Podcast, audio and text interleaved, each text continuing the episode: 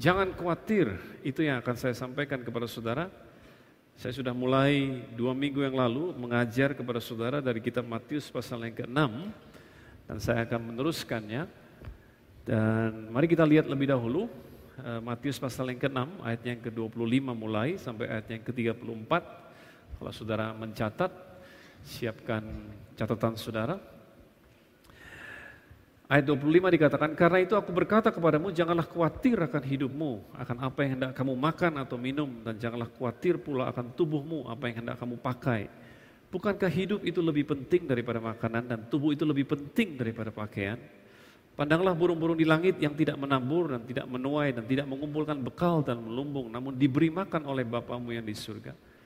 Bukankah kamu jauh melebihi burung-burung itu? Siapakah di antara kamu yang karena kekhawatirannya dapat menambah sehasta saja pada jalan hidupnya? Dan mengapa kamu khawatir akan pakaian? Bukan perhatikanlah bunga bakung di ladang yang tumbuh tanpa bekerja dan tanpa memintal. Namun aku berkata kepadamu Salomo, dalam segala kemegahannya pun tidak berpakaian seindah salah satu dari bunga itu. Jadi, jika demikian Allah mendandani rumput di ladang yang hari ini ada dan besok dibuang ke dalam api, Tidakkah ia terlebih lagi mendandani kamu, hai orang yang kurang percaya? Sebab itu janganlah kamu khawatir dan berkata, apakah yang akan kami makan, apakah yang akan kami minum, apakah yang akan kami pakai. Semua itu dicari bangsa-bangsa yang tidak mengenal Allah. Akan tetapi Bapamu yang di surga tahu bahwa kamu memerlukan semuanya itu. Tapi carilah dahulu kerajaan Allah dan kebenarannya, maka semuanya itu akan ditambahkan kepada kamu. Sebab itu janganlah kamu khawatir akan hari besok, karena hari besok mempunyai kesusahannya sendiri. Kesusahan sehari cukuplah untuk apa? Sehari. Dua minggu yang lalu saya sampaikan kepada saudara ada seseorang bernama Don Joseph Gui yang menulis buku tentang The End of Stress. Dan dalam buku itu dia laporkan bahwa research yang dia lakukan bahwa ternyata 85% dari apa yang dikhawatirkan oleh manusia, 85% dari apa yang dikhawatirkan oleh manusia tidak pernah terjadi dikatakan.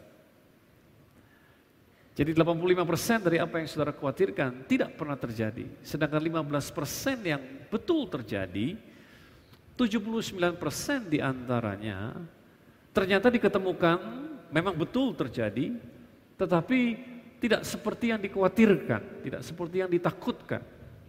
Bahkan memberikan pelajaran yang berarti buat orang yang mengalaminya sehingga kalau mereka lihat kembali kepada peristiwa tersebut, mereka bisa bersyukur bahwa peristiwa tersebut terjadi. Saya bisa mengerti yang saya maksud? Itu sebabnya dia katakan artinya 97 persen, 97 persen dari apa yang dikhawatirkan oleh manusia adalah tidak lebih dari pikiran takut yang menghukum manusia tersebut secara berlebihan. Dan karena cara pandang atau sudut pandang yang keliru. Dan dia juga katakan bahwa stres yang disebabkan karena kekhawatiran menyebabkan beberapa hal yang serius dan bisa menyebabkan penyusutan masa otak, menurunkan IQ, atau menjadikan diri kita rentan terhadap penyakit jantung, kanker, penuaan dini, disfungsi keluarga, depresi klinis dikatakan. Dan membuat orang-orang yang tua atau orang-orang yang senior, gimana yang ngomongnya ya? Orang-orang yang umurnya lumayan, gitu. Sebab saya harus hati-hati dengan ngomong seperti ini sebab saya sendiri bisa termasuk di dalamnya. Sebab beberapa hari yang lalu saya hadir di sebuah kebaktian dan di gereja lain kemudian mereka mengumumkan kita mengadakan kebaktian untuk orang-orang lansia katanya gitu. Saya minta saudara semua yang berusia 50 ke atas bisa hadir di kebaktian tersebut. So, saya langsung pikir, wow, saya termasuk lansia. Untung saya nggak datang ke gereja situ untuk setiap hari minggu. So, kalau enggak saya harus hadir di kebaktian lansia. Anyway, untuk orang-orang yang usianya lebih, berapapun itu, stres bisa mengembangkan demensia atau mengembangkan penyakit yang namanya Alzheimer. Apa yang kita bisa pelajari? Dua minggu lalu saya sampaikan pertama kita mesti menyusun prioritas kita dengan benar. Menyusun prioritas hidup kita dengan benar. Pikirkan kembali apa yang kita nilai penting dalam hidup ini. Pikirkan kembali apa yang kita nilai penting dalam hidup ini. Saya nggak akan mengulang apa yang saya sampaikan dua minggu yang lalu, tapi ini hanya sekedar beberapa poin saja. Yang kedua, sadarlah siapa Anda di hadapan Tuhan. Bahwa kalau saudara anak Tuhan, kalau saudara pernah terima Yesus sebagai Tuhan dan Juru Selamat, saudara diberi kuasa untuk menjadi anak Tuhan, Bapa di dunia ini saja yang jahat tahu untuk memberikan kebutuhan pokok buat anaknya. Apa sih kebutuhan pokok? Kebutuhan pokok itu adalah sandang, pangan, betul kan? Kebutuhan pokok itu adalah makan, minum, dan pakaian. Bapak yang jahat saja tahu memberikan kebutuhan pokok buat anaknya. Apalagi bapamu yang di surga, dikatakan. Dia pasti akan memelihara kamu. Kalau dia memelihara burung, itu sebabnya dia katakan, pandanglah burung-burung di langit atau perhatikanlah bunga bakung yang di ladang, dia, dia katakan. Menarik sekali bahwa dia sebetulnya sedang mengajar kita pada saat kita dirudung oleh kekhawatiran yang sedemikian menghantui kita, seperti suatu rantai kekhawatiran, bagaimana cara memutuskannya? Dia bilang, pandanglah ke atas, lihatlah burung di udara, atau pandanglah bunga-bunga bakung di ladang. Artinya ingatlah kebaikan Tuhan. Ingatlah akan kebesaran Tuhan yang ada di sekitar saudara. Maka iman akan mulai muncul. Maka rantai kekhawatiran tersebut bisa diputuskan. Dan yang ketiga, saya katakan bahwa mulailah mencari kerajaan Allah dan kebenarannya. Cari, mengertilah dengan sungguh-sungguh. Dan saya akan mulai dari situ hari ini. Matius pasal yang ke-6, khususnya di ayat yang ke-33, saya akan bacakan dalam bahasa Inggris dari terjemahan Amplified Bible. Dikatakan seperti ini, but seek, seek, cari. Diterjemah, diartikan kembali di sini atau dijabarkan di sini, aim at and strive after dikatakan.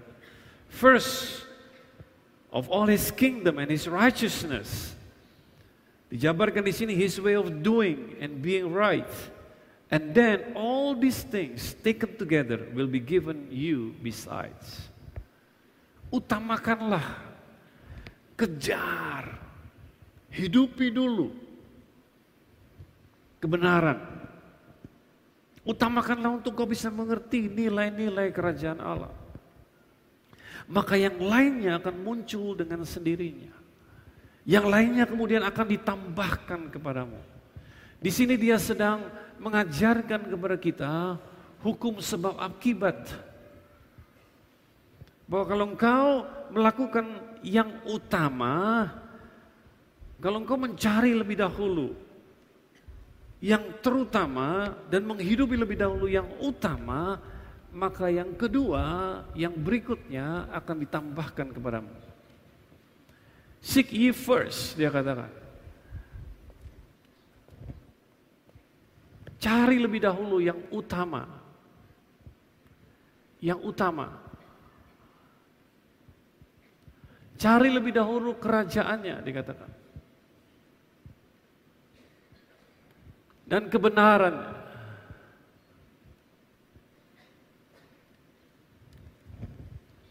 Maka yang kedua dikatakan yang kedua, second, yang kedua, yang secondary, yang lain-lainnya, yang lain-lainnya akan ditambahkan kepadamu. Inilah yang dicari oleh orang dunia.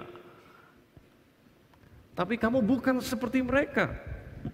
Kamu cari dulu kerajaanku dan kebenarannya. Cari dulu yang pertama, seek ye first, yang utama. Yang lain-lainnya akan datang dengan sendiri. Yang lain-lainnya akan ditambahkan kepadamu. Dia katakan. Dan dua minggu lalu saya sebut Roma pasal yang ke-14 ayat 17. Dan saya akan ulangi lagi. Dan saya juga akan bacakan ayat yang ke-18 buat saudara. Untuk memberikan kepada saudara pengertian akan apa yang kira-kira yang dikatakan oleh Tuhan Yesus. Sebab kerajaan Allah bukanlah soal makanan dan minuman dikatakan. Roma pasal yang ke-14 ayat 17. Tetapi soal kebenaran, damai sejahtera, dan sukacita oleh roh kudus. Perhatikan, Karena barang siapa melayani Kristus dengan cara ini, barang siapa melayani Kristus dengan cara ini, ia berkenan pada Allah dan dihormati oleh manusia. Dia berkenan pada Allah dan dihormati oleh manusia. Perhatikan, yang terutama cari dulu, utamakan dulu ini, hidupi lebih dahulu ini. Kalau saudara melayani Kristus, kalau saudara hidup dalam kebenaran dan dalam damai sejahtera,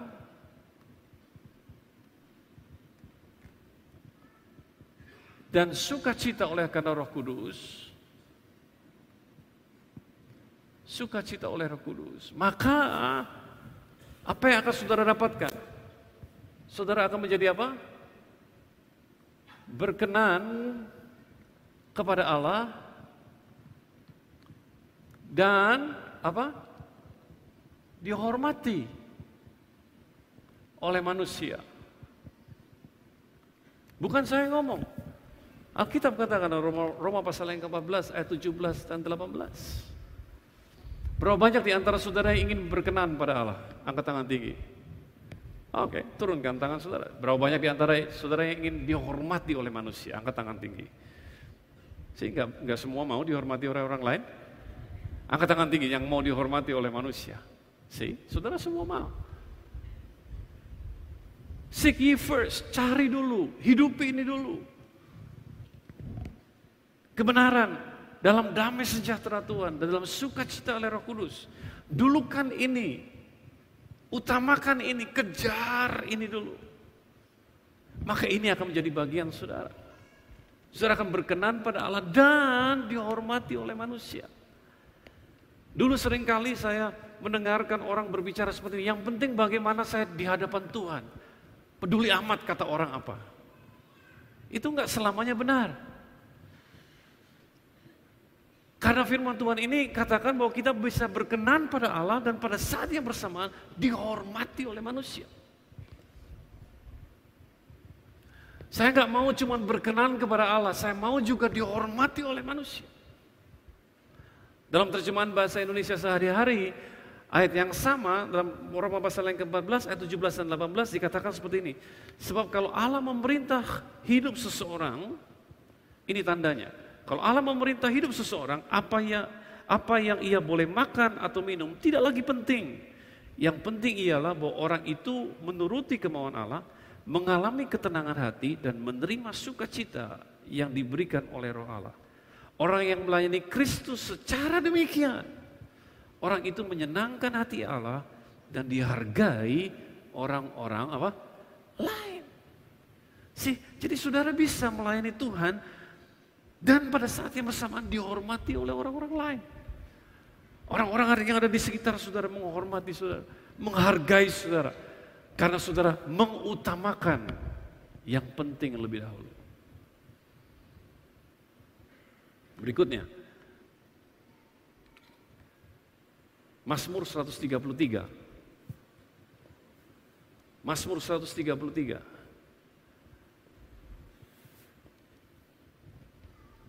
Mazmur 133 berkata seperti ini. Nyanyian siarah Daud. Alangkah baiknya dan indahnya apabila saudara-saudara diam bersama-sama dengan rukun. Tanda seru lagi, rukun dikatakan. Si, sering kali pada saat ayat ini muncul, kita nggak, yang kita ingat lagu. Betul nggak? Terutama buat mereka-mereka yang sering datang ke persekutuan doa atau mulai pergi ke gereja tahun 90-an saudara tahu bahwa lagu ini setiap kali dinyanyikan setiap kali. Buat saudara yang nggak tahu, berbahagialah saudara.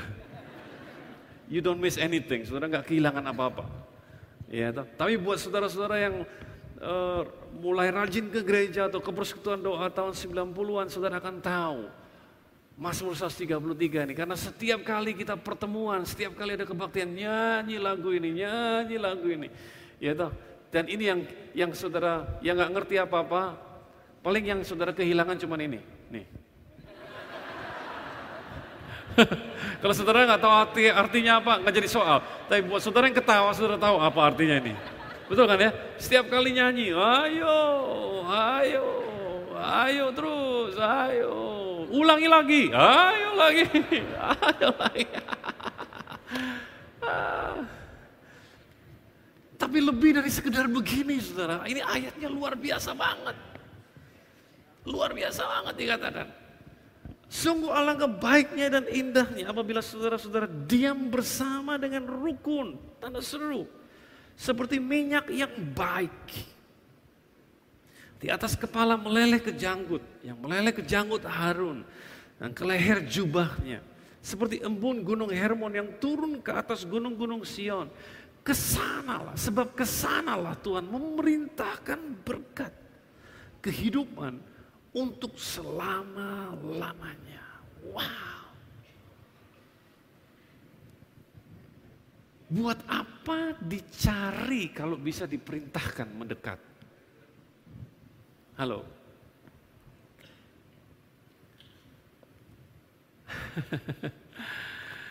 Buat apa dicari kalau Tuhan bisa perintahkan untuk mendekat kepada kita?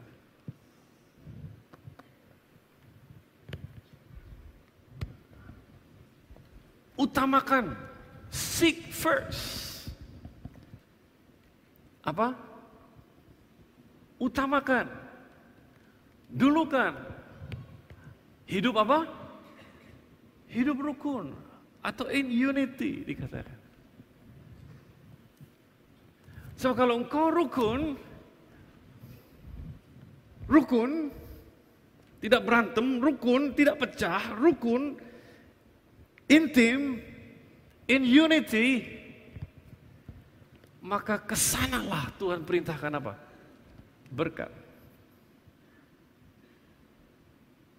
Kehidupan untuk selama-lamanya. Bahkan bukan cuma berkat. Dikatakan pengurapan juga demikian. Karena minyak di Alkitab bicara juga tentang pengurapan. God's enablement tentang pengurapan. Jadi kalau kita rukun, kita in unity, utamakan ini lebih dahulu, maka ini akan diberikan kepadamu. Tuhan akan memerintahkan berkatnya. Kalau dia melihat itu sebabnya kenapa dalam Yohanes pasal yang ke-17 itu yang didoakan oleh Yesus. Supaya aku aku berdoa supaya mereka semua menjadi satu dikatakan. Karena dia mengerti apa yang akan terjadi pada saat mereka semua rukun. Pada saat mereka semua menjadi satu. Ke sanalah Tuhan perintahkan berkat, pengurapan, dan kehidupan untuk selama-lamanya. Itu sebabnya iblis berusaha keras untuk memecah belah. Iblis itu sebabnya iblis berusaha keras untuk perceraian terjadi. Itu sebabnya iblis berusaha keras untuk membentuk keributan di sana sini supaya timnya, supaya suami istri, supaya apa pun yang sedang bersatu untuk pecah. Karena dia tahu apa yang akan terjadi. Kalau mereka tetap hidup rukun, dikatakan tanda seru lagi, hidup rukun. Dia tahu persis bahwa ini akan mengalir dengan sangat luar biasa. Itu sebabnya kalau saya katakan dalam seminar pernikahan terhadap suami istri, apa untungnya memenangkan semua argumentasi kalau kita kemudian kehilangan kerukunan? Apa untungnya? Apa untungnya kita menang-menangan? Dan bukankah suami istri ribut sering kali ingin menang-menangan? Siapa yang merasa lebih benar? Nih kepada yang baru nyerahin anak-anaknya. Saya ngomong ke sini aja, karena saya tahu ini kebanyakan suami istri. Sering kali kita ribut karena kita mau menang-menangan. Siapa yang benar? Dan untuk itu kadang-kadang kita ngerepotin pendeta. Mau konseling alasannya. Betul kan ya? Mau konseling pak katanya. Udah pendetanya sibuk, direpotin lagi. Nah, bukan mereka, mereka nggak pernah ngerepotin saya, masih belum. Saya berharap tidak juga. Tapi alasan mereka biasanya untuk counseling adalah coba Pak. Coba. pendapat Bapak seperti apa? Bisa diterima nggak kelakuan seperti ini? Bisa diterima nggak omongan seperti ini? Dan yang mereka tunggu adalah siapa nih yang disalahin? Siapa ini yang dibenerin? Itu yang mereka tunggu. Betul kan? Itu yang mereka tunggu. Dan kalau ternyata suaminya yang dibenarkan oleh pendetanya, suaminya bilang, tuh, dengerin tuh Pak Pendeta. Ini pendeta berhikmat. Sayang benar tuh kan, ini kau udah bilang. Terus sang suami pulang dengan gagah. Sang istri diam saja. Apa untungnya memenangkan sebuah argumentasi? Tapi saudara kehilangan kerukunan. Seminggu gak diajak omong sama istrimu happy. Gak mungkin happy.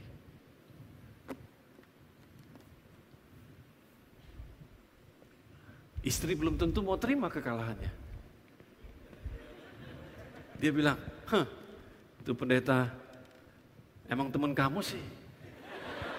Coba kita pergi cari pendeta yang agak netral sedikit. Repotin lagi pendeta yang lain. Cari supaya dia dibenarkan. Mencari pembenaran, bukan mencari kebenaran. Karena kebenarannya adalah kalau engkau hidup rukun, berkat Tuhan akan menyertai saudara.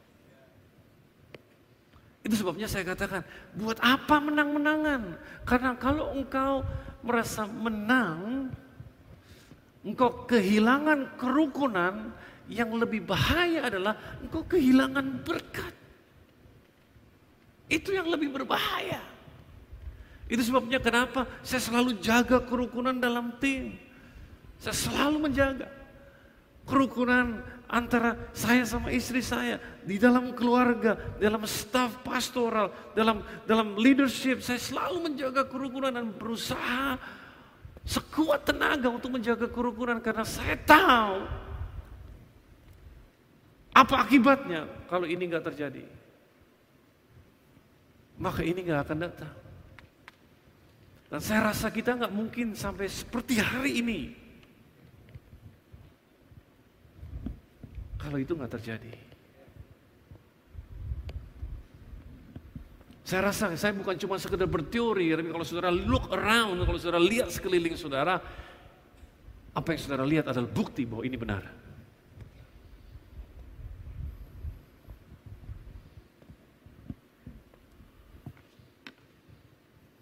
Yohanes pasal yang ketiga Yohanes ayat yang pertama. Tiga Yohanes ayat yang kedua, sorry. Tiga Yohanes itu cuma satu pasal. Tiga Yohanes ayat yang kedua dikatakan, saudaraku yang kekasih, aku berdoa, semoga engkau baik-baik dan sehat-sehat saja dalam segala sesuatu, sama seperti jiwamu baik-baik saja. Terjemahan dalam bahasa Indonesia, menurut saya kurang sedikit, kurang sedikit menggigit. Saya bacakan dalam New King James Version dikatakan seperti ini. Beloved, I pray that you may prosper in all things and be in health just as your soul prospers. Aku berdoa supaya engkau makmur dikatakan dan ada dalam kesehatan yang baik, sama seperti jiwamu sehat. Jadi kalau jiwamu sehat, if your soul prosper, kalau jiwa saudara sehat, maka yang saudara dapatkan adalah badan yang sehat. Badan yang sehat. Dan yang saudara dapatkan adalah kemakmuran. Itu yang saudara dapatkan.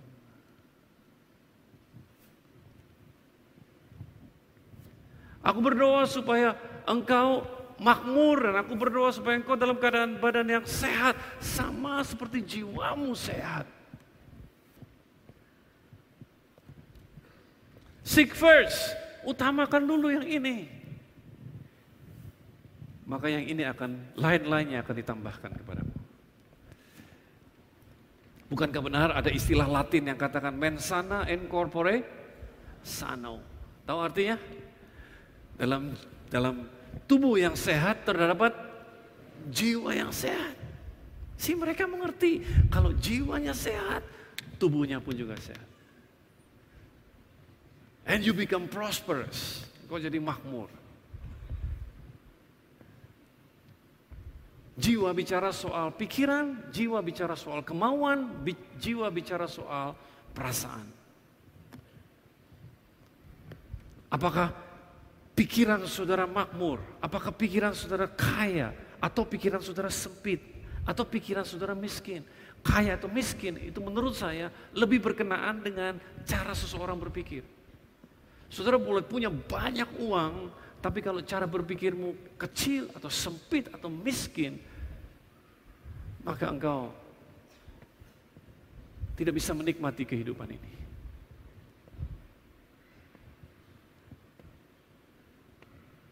Bagaimana cara berpikir saudara? Itu sebabnya Alkitab selalu katakan bahwa kita harus memperbaharui cara kita berpikir. Kita harus memperbaharui cara kita berpikir. Kita harus memperkaya cara kita berpikir. Sehingga kita nggak mikirin diri kita sendiri. Kita nggak sempit cara berpikirnya. Kita bisa include, ikut sertakan orang lain dalam dunia kita. Kalau cara berpikir kita besar atau cara berpikir kita kaya.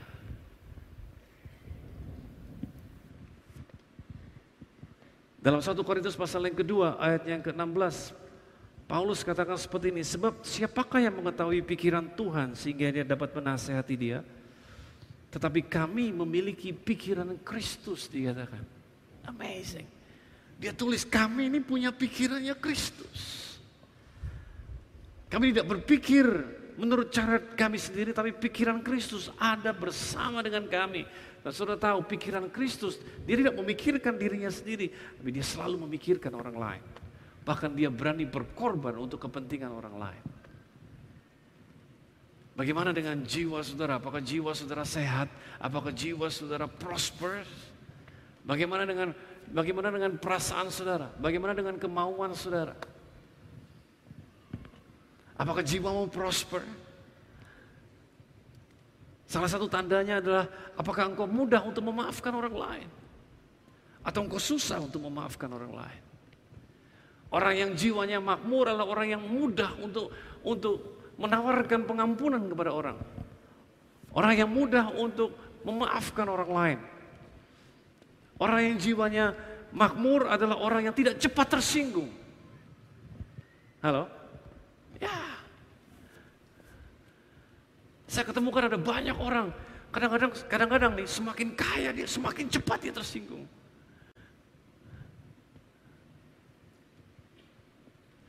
Kita mesti punya jiwa yang prosperous. Sehingga akibatnya badan kita pun jadi sehat. Bukankah benar firman Tuhan katakan hati yang gembira adalah seperti apa? Seperti obat. Seek first, utamakan ini, utamakan sukacita, utamakan damai sejahtera. Seek first, utamakan ini. Utamakan yang kekal.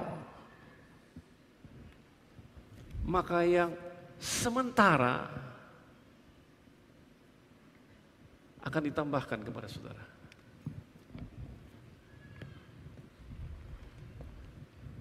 Saudara menerima ini? Saudara bisa terima? Saya terlalu diam.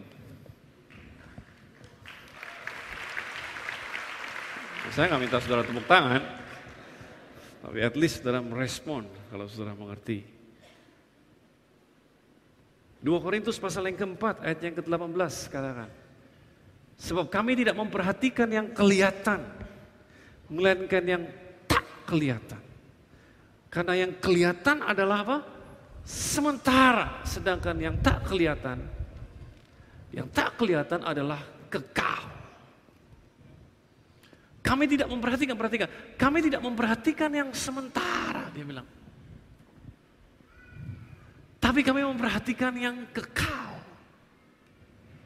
Seek first. Cari ini lebih dahulu, utamakan ini lebih dahulu. Kami tidak memperhatikan yang ini karena kami tahu kalau ini benar, kalau ini kami hidupi, ini akan ditambahkan kepada kami. Saudara kehilangan kesempatan untuk tepuk tangan tadi.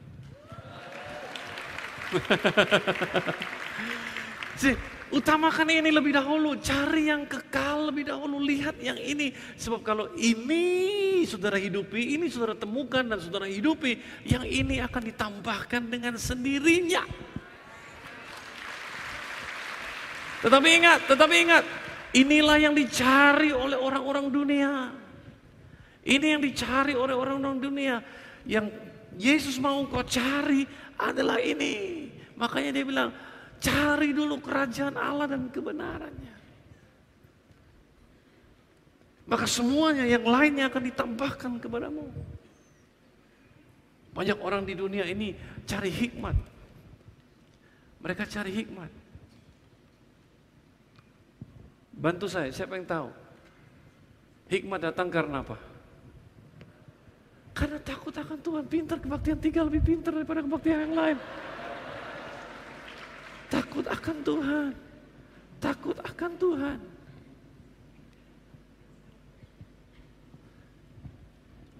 Si banyak orang cari hikmat. Gimana sih caranya dapatkan hikmat? Alkitab berkata, kau bisa minta kalau kau mau. Tetapi hikmat datang karena engkau takut akan Tuhan. Apa artinya takut akan Tuhan? Berarti engkau sadar akan akan keberadaan Tuhan dalam hidup saudara. Takut akan Tuhan juga berarti menjauhi kejahatan. Jadi kalau engkau mulai takut akan Tuhan, kau mulai sadar akan hadirnya Tuhan dalam kehidupan saudara, meskipun tidak ada yang lihat, meskipun tidak ada yang memperhatikan, tetap engkau tidak akan melakukan dosa karena engkau tahu bahwa Tuhan ada bersama dengan saudara dan engkau mulai menjauhi kejahatan. Pada saat itu hikmat mulai dengan sendirinya ditambahkan kepada saudara. Engkau nggak usah, nggak usah Repot-repot untuk cari hikmat. Hikmat akan ditambahkan kepadamu kalau engkau takut akan Tuhan. Seek first. Cari lebih dahulu. Yang terutama. Hei Pak, tapi saya saya cari kok nggak ada uang ya di sini. Oke, saya tulis uang. Saya tahu Pak. Saya tahu pikiran saudara. Tapi uang datang karena apa? Uang datang karena service. Karena jasa, karena service. Betul nggak? Kalau saudara terima service dari seseorang, saudara harus bayar dengan apa? Dengan uang. Termasuk di antaranya adalah kalau saudara ingin orang lain atau perusahaan atau restoran atau apa pun juga yang menyelesaikan permasalahan saudara.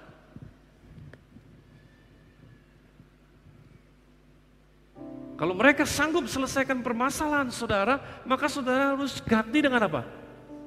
Dengan uang. Betul nggak?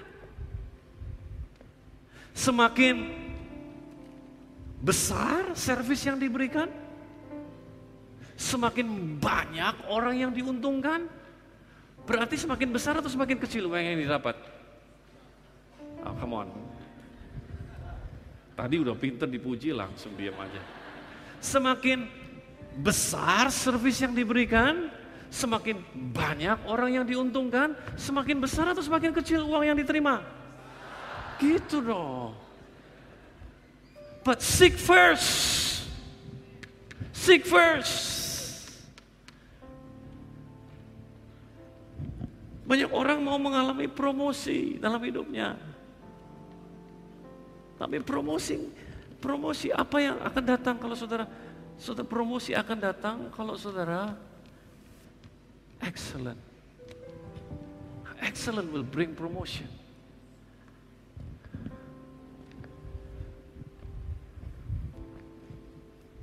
Yang percaya bahwa Tuhan yang kita sembah adalah Tuhan yang excellent? Saya percaya Tuhan yang kita sembah adalah Tuhan yang excellent.